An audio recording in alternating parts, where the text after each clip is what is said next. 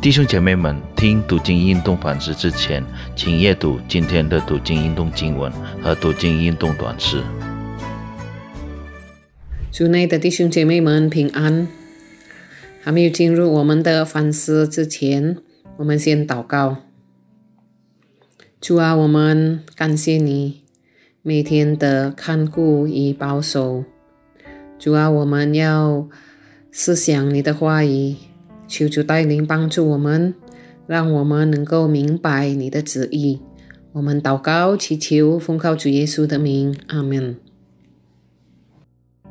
今天反思主题是充满感恩的心。经文起自诗篇九十二篇。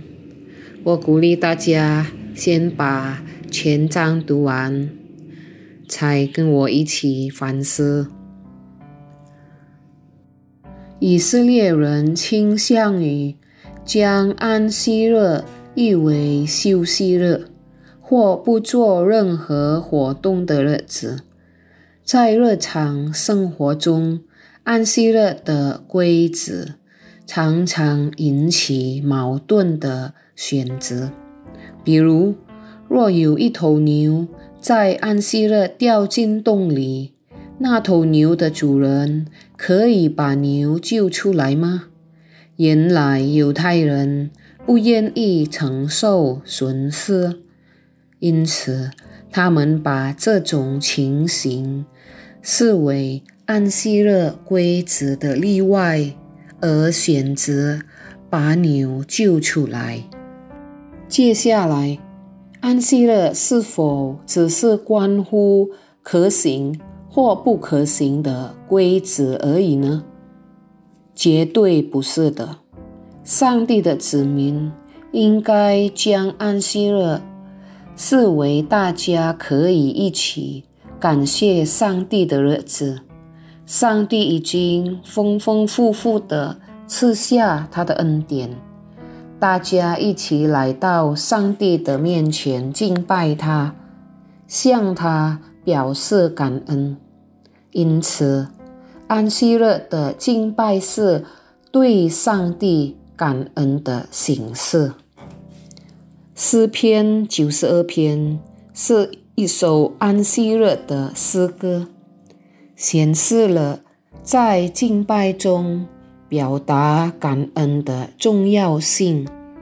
我们一一的来看诗人如何表达。他的感恩之心。第一节，称谢耶和华，歌颂你之高职的名。在此，诗人以诗歌赞美耶和华的圣名。第三节，早晨传扬你的慈爱，每夜传扬你的信实。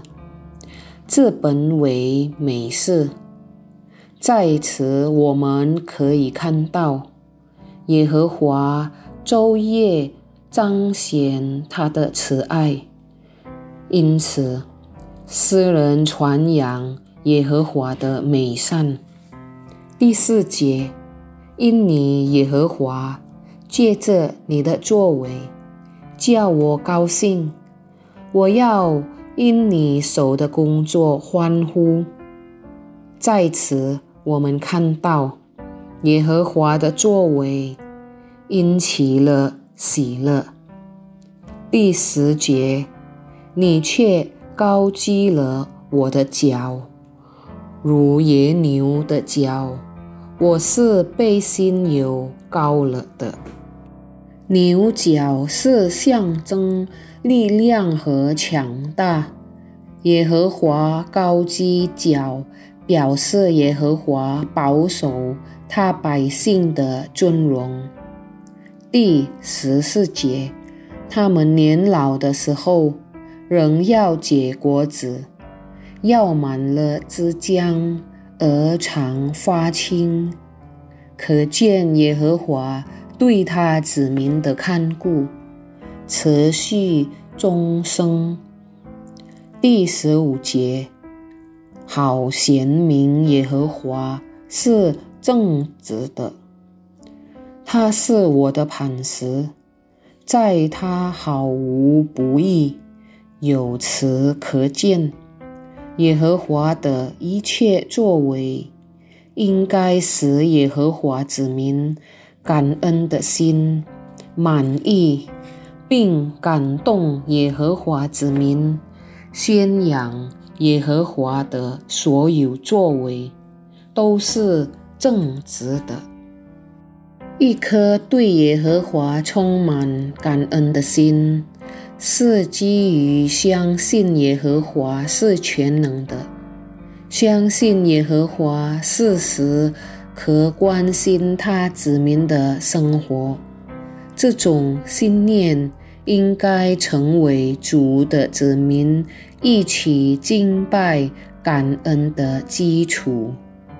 敬拜的重点不在我们身上，也不在于我们。可以从敬拜中得到什么好处？敬拜必须是基于一种意识，就是我们的心充满了感恩，上帝已经赐福了我们，与我们同在。主内弟兄姐妹们，成为。已经历过上帝的良善的人，我们是否在任何情况下，不论那是顺境或逆境，我们都能衷心的以感恩的心来敬拜上帝呢？我们祷告，主啊，我们感谢你。今天你的话语教导了我们，我们如何来敬拜你，主啊！当我们敬拜你的时候，我们不是找我们自己的好处，但是我们要荣耀你，要带一颗感恩的心，因为你先爱了我们，先为我们牺牲，救赎了我们。谢谢主，我们祷告，奉靠主耶稣的名，阿门。